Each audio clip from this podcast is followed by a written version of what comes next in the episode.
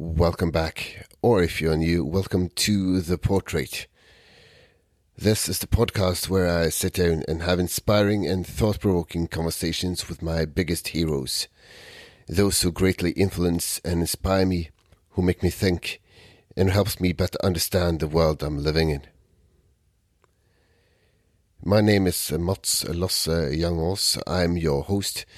I'm a Norwegian independent journalist, actor, activist, and I'm deeply curious as to what experiences, what knowledge, and what strength shaped those I admire.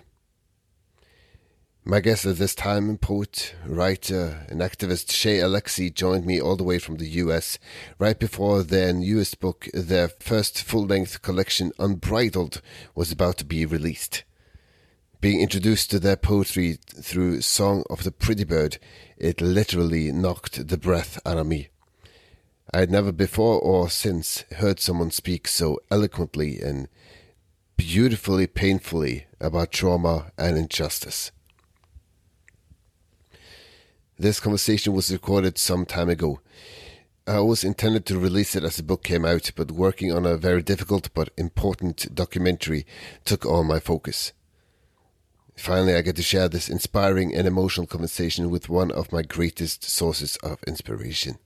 Their poetry even inspired my own documentary dealing with the aftermath of sexual assault, where I even interviewed my own rapist 11 years after the fact. And this also shaped some of the content of this episode, this conversation. We talk a lot about dealing with trauma, about pain, and how we can use our own voices to hopefully change if not the entire world, then at least a small part of it. I'm so deeply honored that Shay Alexie chose to spend an hour of their time with me to share their experiences, their knowledge, and their strength. I hope you're able to take some small part of this and apply it to your own life, whether you're listening to this at your podcast host of choice or watching it on YouTube. Without any additional ados being furthered, here is Shay Alexie.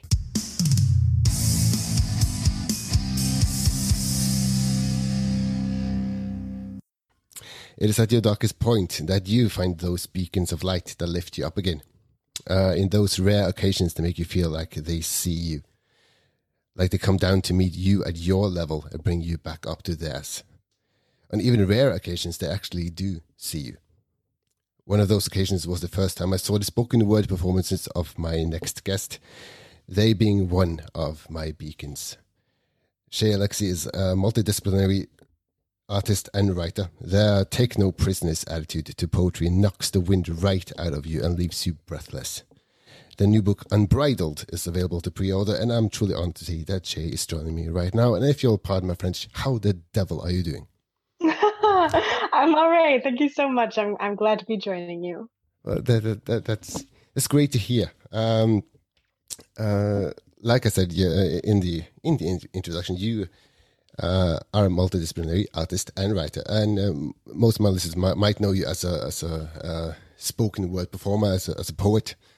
Um, we'll we'll we'll, uh, we'll uh, devote mo- most of our conversation to to that, I'm sure. But um, uh, just start off with uh, with a bit of background. You're you joined me from, if I'm not mistaken, Atlanta, Georgia.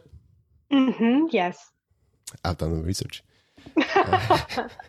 uh, I've done research to the extent that I I, I know where you joined me from, but uh, I've the haven't got the faintest idea where that is in in the US. I'm sorry. Sure, no, that's okay. Uh, it's in the south. It's in the south, the southern region. Mm-hmm. Okay, uh, that's what we here in Norway might call the Bible Belt. So the religious Yes, yes, about that. So Atlanta is a much more, uh, it's a big city. It's much more progressive, um, mm. but that is the region of the country. So we're next door neighbors to the Bible Belt for sure. Okay. Mm-hmm. Um, I won't kick the hornet's nest of talking religion here, but um, um, but uh, uh, let's start uh, on a, on a broader, more more more uh, generic question. Uh, how does your your upbringing in in in Georgia uh, um, make you into the person you are today? Great question. Um, so I'm from the north originally. I'm from Michigan, which is like right okay. along the northern line of the U.S. Mm. Um, and then I moved down to Georgia after school for a job opportunity, working in a theater, mm. um, sort of slightly outside of the city where I live now. Um, it's interesting, though. I think you know, there are so many different cultural influences in America that are very regional. So, depending on where you are, you can have a very different experience of uh, what it means to be culturally American. Mm. And, uh, you know, I think America has a, a, very strong history of violence that's really close to the surface in the South. You know, that the history sure. is right on the surface. There's a real awareness of the Civil War and other acts of great violence that occurred here. Um, but I will say that there's a great warmth to this region, that people are deeply kind and wish to care for one another. And I think some of that comes from um, the urgent awareness of the history that exists here. And so we're in the North, um, there's a lot of kind of surface level politeness. I find that in the mm. South, there's a real deep commitment to showing up for one's community and for your neighbors and for uh, supporting one another just as people in the world. So that has deeply influenced my writing and sort of my coming of age into adulthood. Um, living in a place where people show up for one another and there's really a deep kindness, and I'm grateful to uh, get to be in community with people like that. Yeah, and, and well, might just be my, my, interpretation of it, but uh, my, my, my reading of your your poetry, let's say, is is is uh, often quite the opposite of, of people not uh, backing each other up and mm-hmm. uh, individuals having to having to fight for their own basic rights mm-hmm. uh, and, and and being seen, being heard. So is is that uh, counterintuitive? Counterintuitive. Let's rephrase that. Uh, is that intentional? Yeah, yeah. I mean, I think um, you know my work has changed a lot over the years. I'm very grateful for uh, the works of spoken word poetry that have been so prevalent on the internet and the people who have felt that that spoke directly to them. That's very moving to me. Uh, and it's a great honor to have my work held in that way. Mm. And, you know, I think the the place I was in in the times that I was uh, writing spoken word poetry specifically, as opposed to now I still perform poetry, but I write a lot more uh, on the page and in a more traditional book form.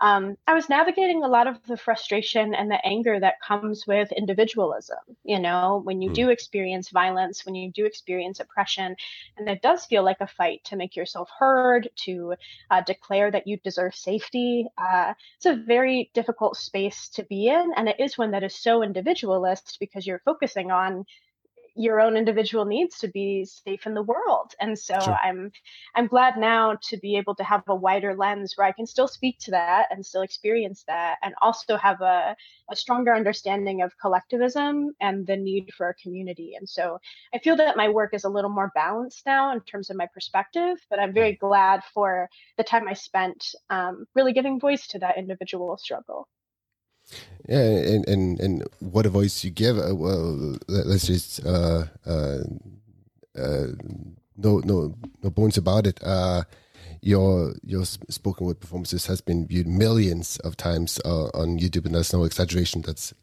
a literal fact.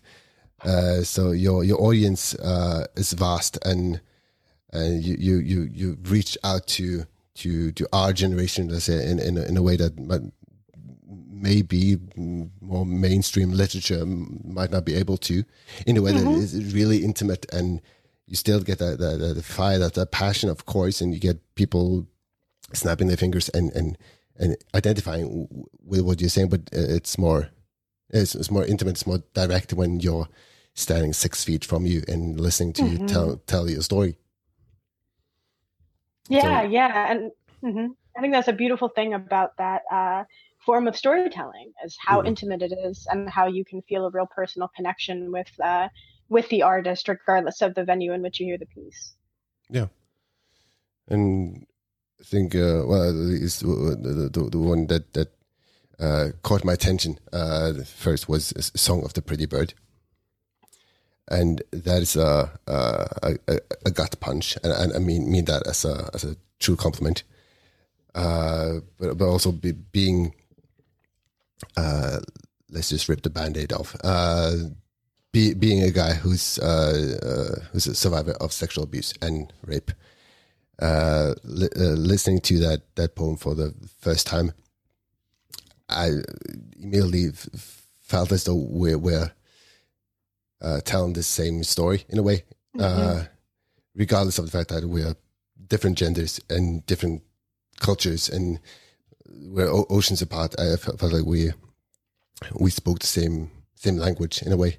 Mm-hmm. The song of the pretty bird. I've lived 20 pretty bird years of this great big pretty bird life, and I think I pretty, pretty, pretty bird bird pretty much know what I'm talking about. People like to poke fun at my pretty bird pretty preening, at my pretty, pretty bird pretty feathers, but look at my long, clean coat, at my pretty, pretty bird pretty pink legs. Well, we'll get more into the, the, the technicalities and the, the, practicalities of it, but, uh, but uh, what has been the most challenging aspect of performing uh, spoken word like Song of the Pretty Bird? um, you know, particularly when I so I wrote that poem in 2016, um, and it's sort of kind of gotten buzz around the internet during various times. So it's like researched, which is a beautiful thing to see it uh, continue to live on. Um, and so at that time, it was very difficult to just talk about my experience. I hadn't even really been able to give language to what I had gone through as a survivor of assault. And so, in a way, it was liberating to be able to speak about it poetically when I didn't yet feel comfortable speaking about it literally, you know, sure. to be able to make some distance through through the art that I was working with. Um, and so just performing it was difficult at the time that I was doing that mm. um, because I was embodying to some extent the experiences that I had had. Um, I didn't have the distance from it. It still felt uh, fresh in that I hadn't uh, explored it personally, and yet I was already sort of exploring it in front of other people without them necessarily knowing exactly what I was talking about. Mm. Um, so that at first was the difficulty, and then as time went on, um, and I'm very lucky to have access to mental health care, and so I've been able to do a lot of healing and a lot of uh, uh, self exploration. I would say now it is. Um, simultaneously beautiful and painful how deeply people relate to Song of the Pretty Bird and mm. the stories that are all here after I perform it. Um, of course, it's beautiful. Like I said, it's a great honor, and it makes me feel um, so powerful and lucky as an artist to make those connections with people and also the fact that it is so unifying you know the shame uh, and the uh, pain of sexual violence across cultural lines across uh, gendered experiences. It's a beautiful thing to get to share that moment of knowing with people and it's also incredibly painful because it means that although all of our individual experiences are different the fact that there is that shared language um, you know is a little bit devastating all the time. And so uh, that's a difficult thing about talking about those themes in front of large groups of people. Yeah. Um, and uh, won't uh, uh, won't force you to go any any deeper into uh, anything uh, unless you want to. But but uh, um, doesn't it feel um, with time perhaps feel more empowering to be able to stand there and be safe in your center and tell your story and having that that overwhelmingly positive response to it. Definitely. And i think my relationship to it has changed so much over time because mm. of personal development and getting older and having tools to deal with different emotional experiences. And so yeah, I mean, to be in a space now, even just from 2016 when I started performing that poem, which is several years out from when I experienced assault, you know, the timeline keeps stretching back. And so to be in a position now where I can share that work and other works with people and talk about these themes and be in a position where, um, you know, that's not the most important thing to have ever happened to me. Different people have their own relationship to what has happened to them. But for me mm. personally, it now feels like a much smaller plot point in my life than it used to to be in a sure. secure relationship and feel like i have a i have a whole life that feels so much bigger than what was done to me that now mm. i'm able to speak about it in such a way that um, i don't feel i'm certainly not cold to it but i don't feel as emotionally affected by it anymore because of the yeah. healing that i've gone through so yeah that relationship has certainly changed over time mm. my my uh, experience, experience purely um, personal as it's been uh, during the course of the uh, ten years. Uh, it's taken me to to recover, being uh, the the innate sense that that the whole world keeps moving on in a rapid pace, but I'm I'm not ready for that, mm-hmm. and and mm-hmm. I, I'm I'm feeling this great pain, and my life is turned upside down, but it's still tomorrow. It's Saturday, so uh, life moves on. Uh, yeah. But but it's still uh, to, to, to your point. It's it's with with time it's gotten easier and it's not the the biggest plot point in in my storyline anymore. Mm-hmm. Uh, it's still part of it, and it shaped uh, who I am and the, the, type of people I want to have on my show and the type of stories I want to tell. Mm-hmm. Uh, it also shapes the way I'm I'm looking at life. So so, um, oh, I'm gonna, I'm gonna try really hard to phrase this in a in a positive way, but uh, would you be the same poet without that happening?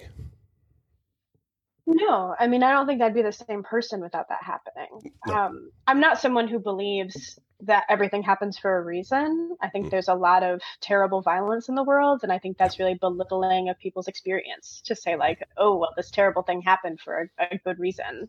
Yep. We don't know that, right? Yep. But I do think that everything happens, as in, I don't know the type of person I would be if that hadn't happened to me right? Yeah. I don't know the type of person I would be if I wasn't born in America, if I wasn't born into this body. I, I just don't know, right? Mm. And so the only outcome that I know is the one that I have lived. And that to me is a great sense of peace in that it allows a type of not acceptance of violence, but acceptance of the fact that I am dealing with the aftermath, however, I'm dealing with the aftermath. And so it's not to say that I think that I am better for it, but it is to say that I think that it happened to me and it changed me. And so I am who I am today in part because of all of the things that have happened to me and changed me. Butter to knife. You're cute. Thinking I can't melt all by myself. Butter to knife. Remember when you asked some dumb shit on our first date, like, what's your favorite color? I said yellow. What I meant to say was the color of myself. What I meant to say was my favorite color is myself. Butter to knife. How old were you when you first started stealing softness? What does it feel like? To see a savory body content in her own sweetness and think your metal limb belongs wedged within her walls. Butter to knife, you say you like my softness. Like being this golden living silk was my birthright. Song of the Pretty Bird, and and of course, uh, uh, this time the butter rejects the knife, and, a lot of other, uh, other of, of, of your your writings uh, are uh, in my view at least, taking a stand against um, something very specific, uh, that being mm-hmm. assault or patriarchy or uh, violence against women, and um, and using your voice to to and, and your platform to to tell that story in a way that possibly uh, uh, hits harder than were you just to stand there and read an essay, let's say. Mm-hmm. Uh, and I feel, and it's not exclusive to you, but I'm uh, very much uh, uh attributing this to you. Uh, that poetry is, is uh, one of the the greatest form of of activism that we have today, because I feel, in my own humble opinion, making forcing someone to think is a lot more could possibly be a lot more lethal than any type of weapon. Mm-hmm. So, are you aware of your responsibility? Let's say. Oh, certainly. Um, I think really. So, after I performed "Song of the Pretty Bird" for the first time, which is the video that's on YouTube and and other places, um, I was 21, maybe 22, and um, you know, very focused on my own journey, as I think mm. a lot of uh, people in their early 20s, particularly Americans in their early 20s, are. They're very focused on their own individual experience. Um, but after that was published online and it had this overwhelming response, I was getting messages and emails from, you know, people from around the world who had all these different experiences and um, were articulating what that poem meant to them and how they saw themselves in it. And it was really this very humbling moment of feeling exactly that responsibility. You know, mm. the fact that a 16 year old from Argentina could see themselves in this poem, and my 50 year old aunt who lives in Iowa, which is middle of America, a cornfield, mm. nowhere, could see herself in this poem. I was suddenly abruptly aware of exactly what you're speaking to of the mm. fact that the written word and performance and those the power of those two art forms together um, has a really unique ability to affect people deeply. And so that was really an epiphany for me of recognizing that although to me it just felt like something i wrote and had the honor and the opportunity to perform and enjoy the experience of doing so um, that had such a profound impact on so many people that I, as the writer, had no way of knowing until I put it into the world how it would fall into all of these uh, individual lives. And so, yeah, I feel that responsibility profoundly. And I'm definitely a poet that writes with a knowledge of my audience. You know, I, I don't really see. you know my art form is is a personal experience but i don't necessarily see the point of putting something into the world if i'm not actively thinking about the people that I'm going to share it with and how that relationship will exist, whether it's through a book or through a video or, whatever it may be. Hmm. Does that uh, uh, responsibility, that that sense of responsibility, does that uh, hinder you in any way when when you're starting a new uh, project? Uh, does that that that uh, knowledge of your audience and that that acute awareness of um, your uh, sphere uh, sphere of, of influence does that uh, make you uh, think a bit longer before you put that last sentence onto the page? Yeah i mean i think um, my relationship with my audience feels like it uh, falls a little bit further into my process. And so mm. I try to write naturally of whatever comes to me, whatever comes out. And so that discernment really comes uh, when it's time for publishing or mm. sharing or recording or whatever the process might be in order to share with the world. And then for me, it's really a question of the urgency of does this need to be said? Does it need to be said by me? Does it need to be said right now? What's the way in which it needs to be said? And I don't I don't consider it a hindrance because I think it actually provides a sharper eye to what I create. I think it demands a release of ego and an investment in the people who have been so loyal to me and have continued to follow my work throughout uh, a number of years now. So I feel that it's really a strength to think deeply about your audience and to consider your responsibility to your audience and only provides um, greater clarity on what you create and how you aim to put it into the world. Mm. You are listening to The Portrait. I'm your host, Mats Lasseangos.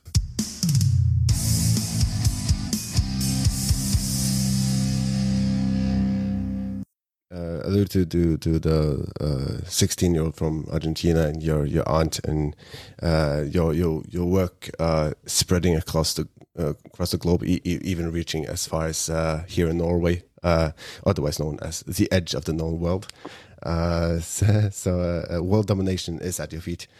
uh, at least the step one is cleared. Um, uh, but uh, the, does that that that, that um, uh, well to phrase it another way uh, as writers or uh, uh, let's generalize um, people who use our voice and try to change our our small corners of the world uh, as uh, we we both try to um, we're simply we're, we're telling our stories and trying to present them in, in the best possible way and uh, present it in a way that uh, mo most people uh, will be able to understand, take something from that, and uh, in turn change change their mindset and their world.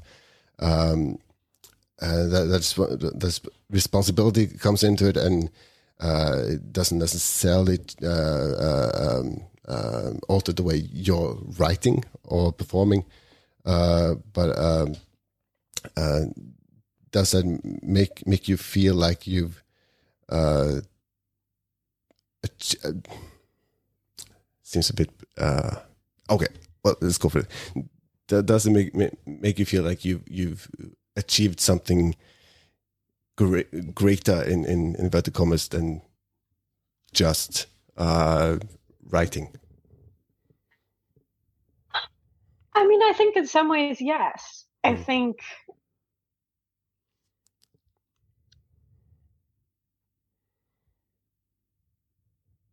I think that it is it's deeply meaningful to me to Mm. get to have those interactions with people and know that I have touched their lives. Yeah. And I think greater, you know, is relative because everyone has their own definitions of what success looks like to them, what Sure. achievement looks like to them. And so for me, I think the reason it's more meaningful to me getting a, a message from a 16 year old in Argentina will always be more meaningful to me than making the New York Times bestseller list. Because Yep. to me, the point of writing is to make a personal relationship and the power of arts particularly in this time in which you know you and i can conduct through email uh, Yeah. across continents Yeah. is is that relationship you know like you you may or may not pick up the book that's selling number one in whatever country this week but you can open your phone to a video or a poem or anything and make a deep connection with someone who you would have never otherwise crossed paths with. And so for me the spread of my poetry is more meaningful than if I was simply writing or if that writing was even high achieving in some traditional means of success. That that achievement for me is knowing that I've made a personal impact on people's lives and that some aspect of them is changed by the work that I've put into the world. So, in in a sense, to uh, uh, boil it down, uh, you, you could, of course, uh, be a New York Times best best-selling author. That's uh, that's a feather in your cap. Uh, let's not downplay that, but uh, you could be the best-selling author in the t- entire world. You might not get that same reaction or the same uh, connection to that 16-year-old in Argentina as you would when you're being deeply personal uh, and and and ex- exposing your heart in a way uh, and and telling your uh, stories, of course, through poetry, but you, at least as a as a reader, as a as a, as a viewer, you're as an audi- as an audience, you're you, fe- you feel that uh, that connection um, as opposed to reading some author I, I won't name un- unless I get sued. So you never know. Who, you never know who might, might, might- might be listening. But uh, uh, you never know. no. uh, but uh, I, I feel at least that that, that um, if I feel a great sense of of of worth and accomplishment accomplishment using big words. Uh, uh, listening to or, or reading your your work uh, than reading the next Dan Brown novel. hmm Uh, so that being a great way to distract my mind, I'd rather have um, five hours uh, on my couch reading your your poetry and actually starting the the, the men- mental process, and in some ways healing, rather than Mhm. just reading the the next New York Times New York Times best-selling author. So uh, you're you're you're not uh, lying awake at night uh, regretting the fact that you're not making millions of dollars and being on Oprah. right. No, no. I'm definitely um I'm not driven by um money or those types of kind of traditional markers of success. I'm very lucky and I recognize that I'm very lucky to be in a position in which I don't have to care if my poetry is particularly profitable. I have, Mm. you know, a day job that's able to Yeah. sort of keep the lights on and provide the basic amenities. And so I'm very lucky to be in that position. And I also consider that kind of core to my sense of ethics as a writer is that I'm always more interested in having a smaller audience that I'm more closely connected to than, you know, achieving all of the ivory tower sort of stuff um, that ultimately is, you know, shiny, but doesn't necessarily curate uh, intimate relationships that can really, uh, you know, create change. Yeah, and even the shiniest objects lose their shine in time. So Yes, absolutely. Uh, you'll forgive me using flowery language if I have one of my favorite poets on. I, I can't help myself. you are listening to The Portrait. I'm your host, Mats Lasseangos.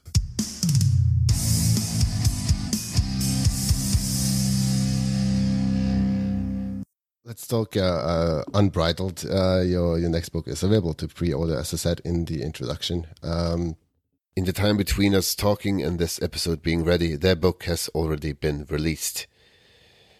And in their first full length collection, Shay Alexie dreams of a future that wants us back. Unbridled grapples with freedom under the confines of shame, capitalism, and mental illness.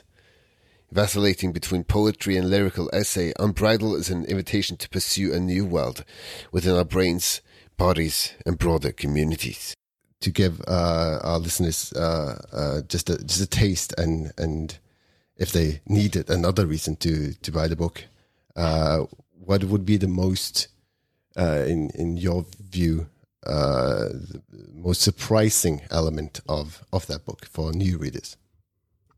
Well, similarly to my older work, deals with some heavier themes, deals with mm. themes of mental illness and shame and sexuality. Uh, but it does so with a lot of really whimsical imagery, which is something I'm really glad that I've grown in that direction, where I'm able to sort of balance the tone of my writing um, with the seriousness that uh, serious topics deserve, but also providing um, really rich imagery. So throughout the book, there is a repeated motif of astronauts and space and their poems that um, are about giraffes, but are also about uh, mental illness. and are poems that are about uh, ancient Greek uh, gods and the monsters of their mythology that are also about uh, self care and rest. And so what is uh, surprising even to me when I uh, go back to it, having worked on it for about a year at this point in the editorial process alone, um, is seeing those moments where very serious uh, themes meet imagery that might in another context be seen as uh, sort of light and whimsical. And I think it creates um, an opportunity for uh, healing and joy and also holding the weight of the more serious topics that are discussed throughout. Do you find it uh, easier to to write about difficult topics if you're presenting it in that, let's say, frivolous packing? Um, in some ways, uh, and in other ways, it's almost more difficult. I've always felt that uh, magical realism is mm. sort of more real than realism because of how we as humans experience the world. Um, sure. There's something, you know, particularly as a poet who tends to be a pretty emotional person, you know, the way I process a sunset is actually like might be a, an emotional experience. So someone mm. might say like, "Oh, the sunset is orange and pink and yellow," and that's true. But then the actual experience of it internally is something more complex than that. That in some ways kind of defies language. And so, in that sense, I feel that we're early in my career with Song of the Pretty Bird. Often the use of an extended metaphor or an image made me feel further away from the topics that I was discussing. Now the use of imagery and whimsy actually allows me to get more specific about the feelings, the experiences that I'm talking about. So, you know, there's a piece in the book that talks about the sexualities of animals and the fact that flamingos and albatrosses uh, have same sex mates in the wild. Mm-hmm. And so that sounds like, you know, quite a frivolous, like whimsical piece. But as I was writing it, like I certainly shed a tear or two. And so I think it demands a different specificity and it demands a different level of clarity that, and sometimes is actually more difficult to write because of the level of honesty that's required to make those images feel genuine and authentic. Hmm.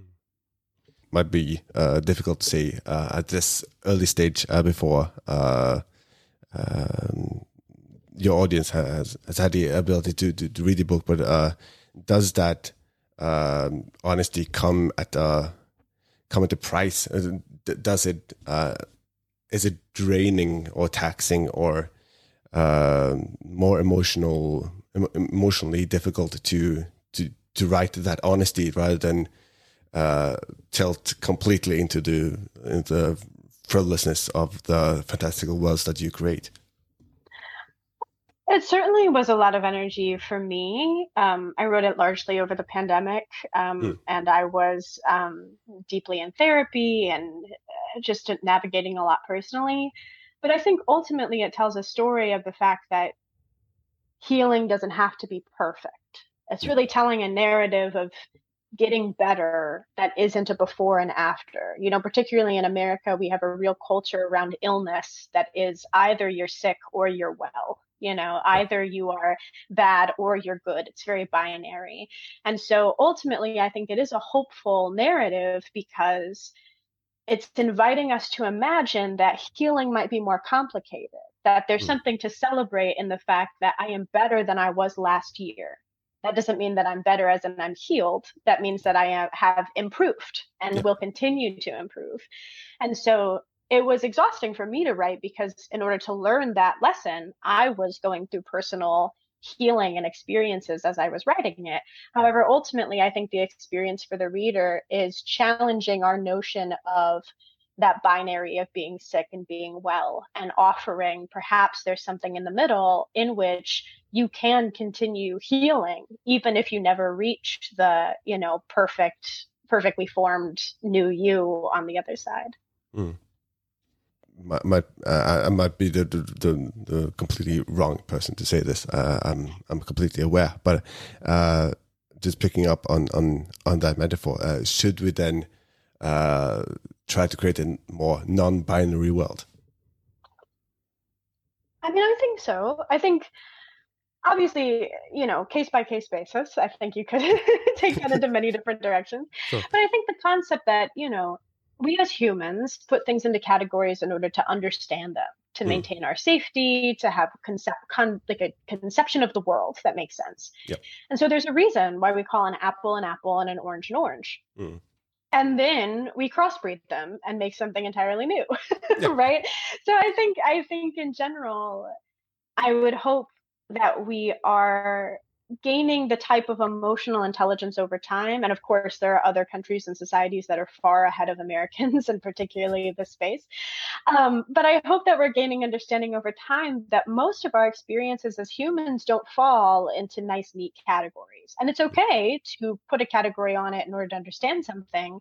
But, you know, even something as simple as emotions, when someone asks you how you are today, it's probably more complex than any one word answer. And so, generally uh, speaking, I think it is a strength of humans to reach past those easy categorical labels and into something that's a little bit more gray, more nuanced, and requires greater conversation than just a one word answer. Yeah. Uh, isn't it then uh, safer to, uh, well, if, if you're asking someone, how are you today? You're sort of hoping that they just go, yeah, I'm, I'm fine. And then you can move on with the, the rest of your right. day or the rest of your conversation. You, but if you get someone who's, uh, in, in my in my definition, bravely honest and going, no, listen, dude, uh, today's shit. Um, right. Many times, not, not all times, of course, but many times that person on the other, other end isn't really prepared to hear that conversation. Uh, mm-hmm. Uh, they just want to hear, yeah, I'm fine, and then that's that's grand. Uh, right. But uh, is it a sort sort of a safety net in in us be, be, being human beings and and trying to make sense of this crazy world we're living in to just go for the safe answer and hope that the, there's no follow up questions? Yeah, I think um, I think there's a lot of reasons why we do that. You know, I think as a person who might not be doing so well, you don't want to be a burden to other people, yep. you know? And as a person who is just saying hi to people at the office or the grocery store or wherever you might be, you're really just trying to be polite. You aren't mm-hmm. necessarily mm-hmm. inviting someone to dump all of their experiences onto you, you know, at nine in the morning. Mm-hmm. Um, and so I think there's, you know, like I said, I think it applies on a case by case basis. I think there's a time and a place. But I think generally speaking, opening ourselves up to recognizing that if we're all giving the easy answer, then no one's really being honest about their experience. So the answer might not be to tell a stranger all the worst things that are happening to you at nine in the morning, but there might be sort of a happy medium space where, you know, uh, when your boss asks if you're able to do another task on top of an already very busy day, you should be allowed to say, actually, no, I can't. I'm feeling kind of overwhelmed. Yeah. You know, there should be a, a, happy medium where we're able to be honest with one another in a way that serves us um, and ultimately doesn't require us to be just one thing, you know, because that person you could be overwhelmed today at work and still be great at your job. You know, you're you're articulating to your boss that you're not able to do that task doesn't mean that you are unable to do other tasks. Mm. So yeah, I think uh, I think there's a time and a place, and there's a way to adopt a more fluid mindset that doesn't demand that we are brutally honest with one another in all ways all the time. Yeah. The the, the brutal honesty has has led to uh, a lot of uh, uh, great strives in in in society, and not only just in the U.S. but in, in Europe. And uh, for example, uh, in in Norway uh, this year we're celebrating 50 years since being being gay was deemed legal and not a mental illness. And this year we made conversion therapy illegal. Mm. Uh, but in the same contrast, we had uh, a shooting at a gay bar uh, the next day. Mm. So mm-hmm. we're living in an imperfect world, let's say. Mm-hmm. Yeah. But then again, on the other side, we're trying to stay positive on on on this podcast. we have statues being torn down of really rubbish people, and people abusing their power, facing consequences. So we're, we're might not be moving at a rapid pace, but are we moving in the right direction? She's nodding. Good. Yeah.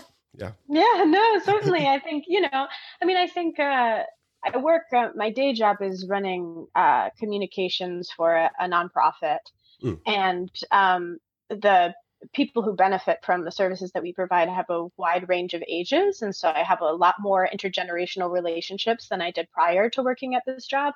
Mm and so you know i've connected with so many different people um, who are older than me which really starts starts to shift your perspective of how far we've come and on what timeline because you know my partner and I are getting married uh, this coming spring, and I'm talking to people at my work who, you know, were together for years and years and years who were only able to get legally you know recognized as a partnership mm-hmm. 20 30 years into their relationship you know yeah. and so i think certainly certainly there is good to be found and joy to be found in the directions that we are all moving in and the fact that there is some universal experience of that push towards um, you know greater freedoms is is beautiful and it can be difficult with how often that is tampered down by other forces in the world. But there certainly is that thread of hope that I think is uh, essential to lean on and bring back into the forefront when the rest of it feels overwhelming. Yeah. And do you, uh, uh when, prior to your personal life, well, first of all, congratulations. Thank you. Try to keep on a on a micro level, then, but uh, uh on on a on a daily basis what overwhelms you in a in a sense that doesn't render you uh, un, un, unable to to provide or or, or produce, but uh, just a sense that I need five minutes to catch my breath. Certainly. Um, well, actually a, a, major theme of the book is that I was uh, diagnosed with obsessive compulsive disorder in 2019, mm. um, which is, you know, an anxiety disorder. There's a lot of idiosyncrasies to one's individual experience of it, but that's to say that a lot overwhelms me because of the way my brain works. So, um, yeah, you know, I think I think just the sheer nature specifically of living in America, I'm sure this is a shared experience of people in other countries, but you're very aware of the fact that you benefit directly from a system of such profound violence. You know, a list yeah. of violences that I couldn't even begin to start and complete. Um, and so, just the nature of living in this place can be extremely overwhelming when you let it really all sink in, when you realize the atrocities that the United States has committed and continues to commit throughout the world as we speak. Um, and then also the fact that so many strides forward that we've taken are now being taken away or are under threat in a way that they haven't been with this urgency in quite some time. And so then it also feels like, you know, we're benefiting from this machine of violence. And then also the machine of violence is deciding that, you know, even though we live here and we benefit from the privilege of living here, it's also taking away our right to be free human beings. So there's a great lot to be overwhelmed by and then because i also have an anxiety disorder i can get overwhelmed by the fact that you know my dog doesn't seem to be as energetic as usual so yeah. i kind of have a, a, great range of possibilities for anxiety but i think you know there's a lot a lot that um, ultimately keeps me grounded and the main one is the sense of community the sense of connection um, through the arts and also through my daily life of even when there are such systems of violence that are against us, ultimately, what combats that in some small way is the way that individuals are able to show up for each other and the choice to ask your friend how they're doing, the choice to buy a meal for someone in need. It doesn't save the world, but it does save that moment, that moment of connection and of kindness and of presence. You are listening to The Portrait. I'm your host, Mats Lasseangos. So we, uh, to, to again use flowery language, we, we, we let ourselves, we allow ourselves to be overwhelmed in, in small portions every day. Mm-hmm. Mm-hmm. And then, uh, spe- speaking of uh, anxiety so I have uh, I'm autistic. Mm-hmm. So the the second I heard OCD, I started rearranging my my desk here. Oh yeah. it's not going to affect you. You're miles away, but I'm I'm, I'm still. Right. Oh, that's, that's, that, that, oh, that's crooked. That's not going to work. Uh, I appreciate the thought. Yeah, yes, it's, a all that counts. mm-hmm. uh, but also, I've had this pull, pulling back the curtain, just trying to uh, get get this Zoom call um, arranged, and and and it automatically changed it to my time zone.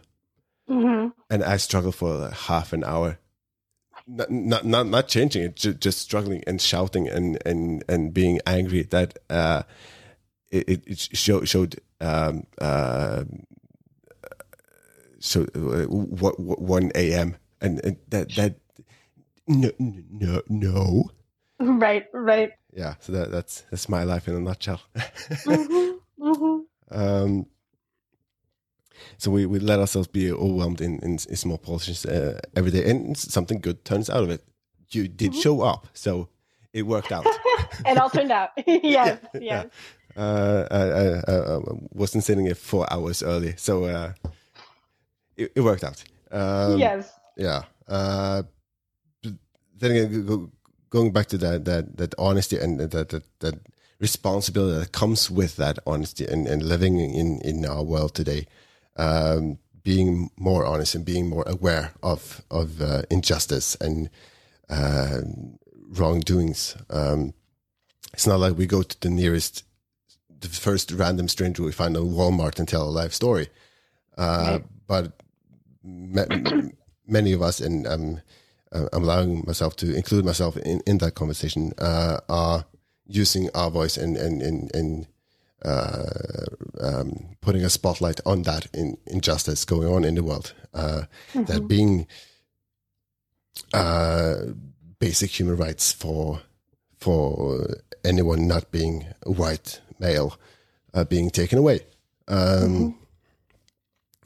And th- th- that's that's just fundamentally wrong, and I'm able to see that, uh, but I, I, I can't grasp how idiotic that is.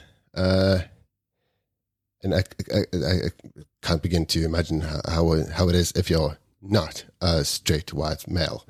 Mm. Uh, so uh, going back to, to, to, to writing and, and, and, poetry and, and, using your your honesty, uh, given the, the uh, let's say the last presidency and the aftermath, how has that in any way uh, changed the way you're writing as opposed to before then? I think it has only reaffirmed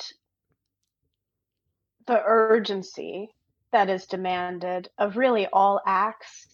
And I think the urgency of poetry. You know, I I have my own favorite poets. I have my own favorite artists who speak to me, and all of them are people whose work doesn't end at the page. It's written in such a way that creates momentum in the person reading it. And so, as much as I love and I think that, you know, a meditation on a flower can be radical, right? Mm. It has to be written in such a way that that's intended to be radical. It has to be written in such a way that it's intended to be an engine, a source of energy for the people who are reading it to feel inspired to take whatever move feels right to them to act in the world. And so it really has driven home the fact to me that poetry is a tool, right? Poetry is, is a means of accessing something else. I in my dream world, no one should just read my book, right? In my dream world, reading uh, my book or really any book should be inspiring you to take some sort of action in your personal your personal life your community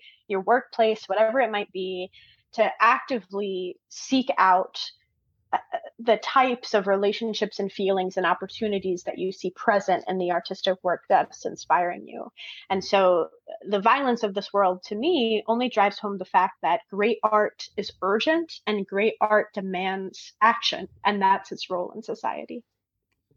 With the, the walls closing in, let's say, uh, well, seemingly uh, closing in, we using poetry, you're you're able to at least oh, I don't know where I'm going with this metaphor. Let's try that again.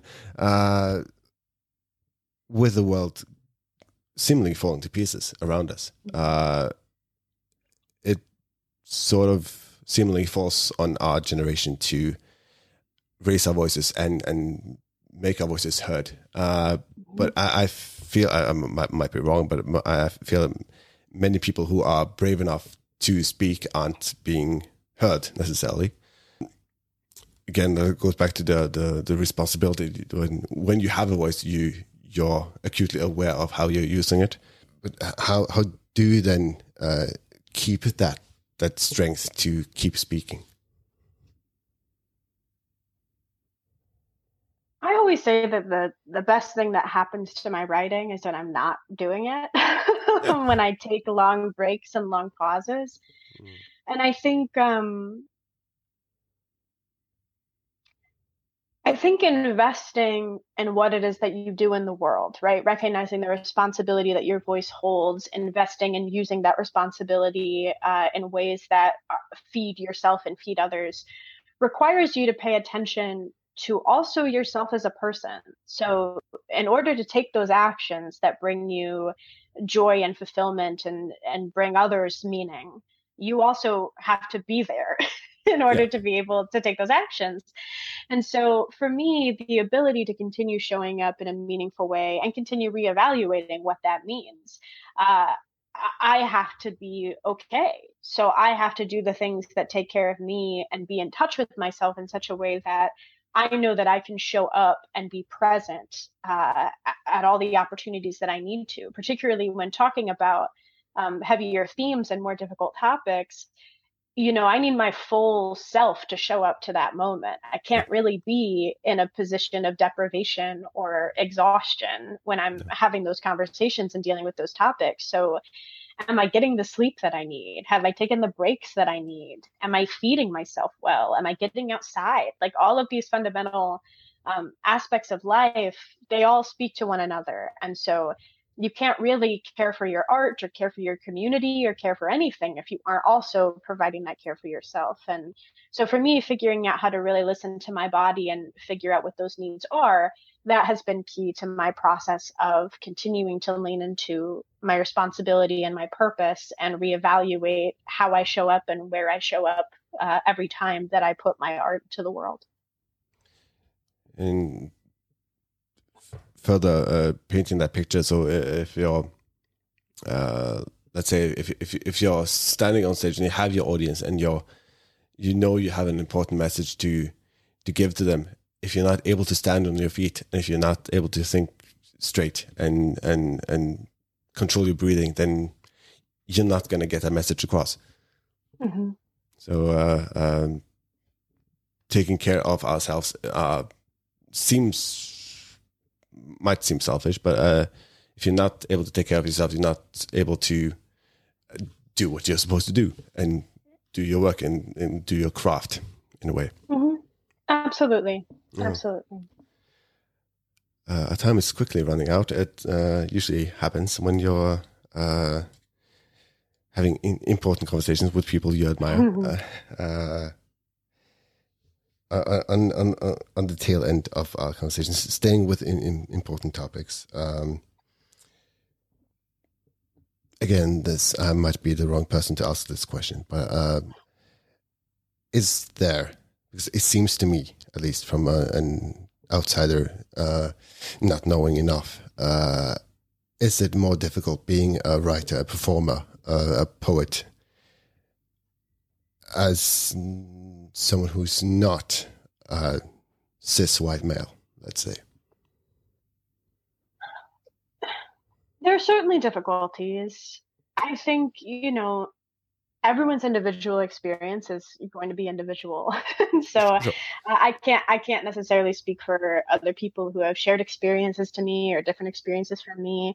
I do benefit from a phenomenal amount of privilege being a white person in america and so it's never really been difficult for me to get a stage gig in terms of sending someone a portfolio of my work and getting to go perform. That's not mm. really been a difficulty for me and I also benefit from uh, some class privilege in terms of being able to have the type of job where, you know, the videos that you see of me performing, I typically have taken off time from work to go to an event where that's videotaped and then it goes online. And so people who are working jobs where they can't afford that type of absence uh, wouldn't have that same flexibility. And so there are certainly privileges that I benefit from that have affected my ability to be successful in what I do. Um, and then there are other ways that it is difficult. You know, I've gotten really strange feedback from editors upon submitting my work about how my work is uh, cheesy or saccharine. I've gotten those notes before. Mm. Um, you know, I've gotten odd responses uh, to things in public. I've gotten harassed at shows. Like these are all parts of the experience. Um, and so it is sort of a, a strange tightrope to walk in that you know there are ways in which i have profoundly benefited and i'm you know both complicated like grateful for the benefit and also aware that the benefit comes as a result of violence.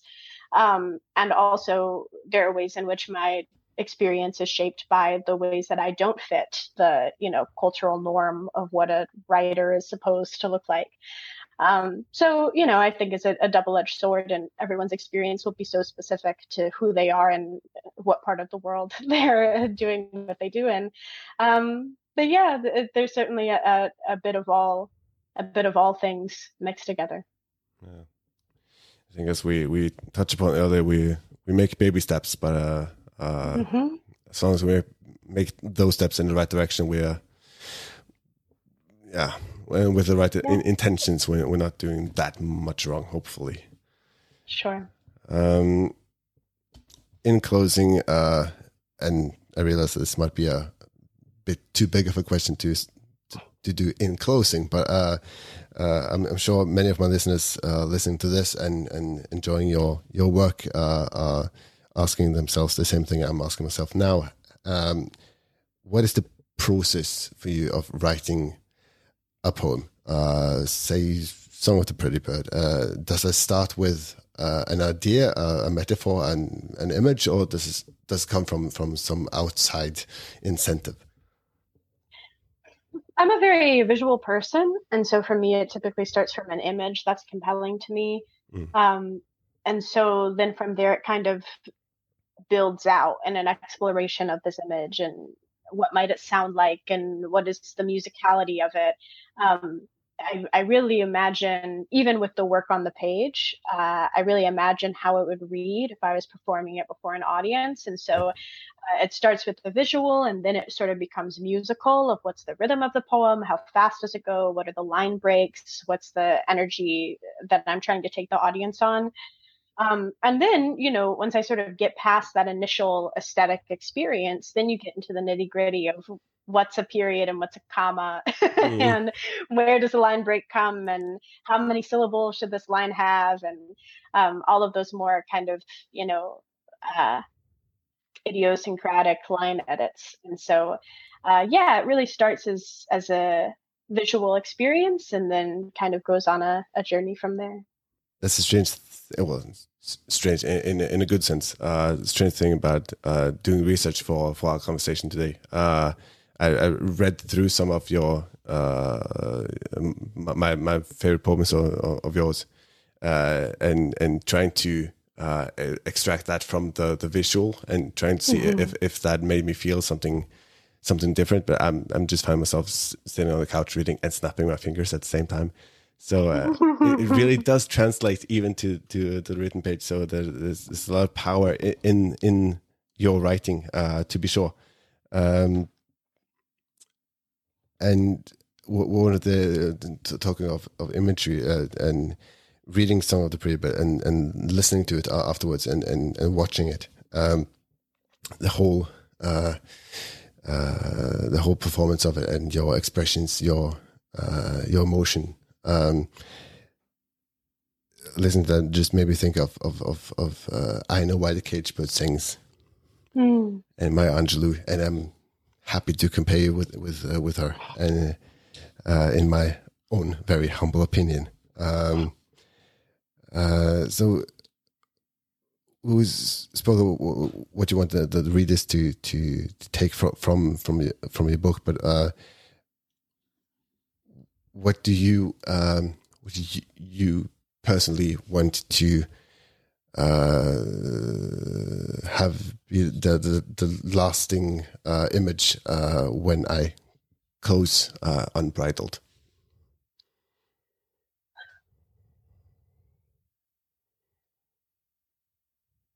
The lasting image of unbridled to me is an image for oneself of the night sky, of how vast the world is.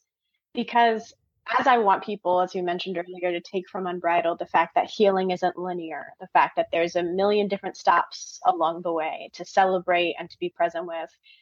I feel that also for, I feel that that impacts the individual, our communities, and our greater world. And so it also asks us to imagine that healing is possible and healing is incremental. So, what does it look like if, you know, particularly where I live, there are a lot of people who experience homelessness. And so we may not be able to give everyone a house tomorrow under our current oppressive systems, but what does it look like if you start a community garden?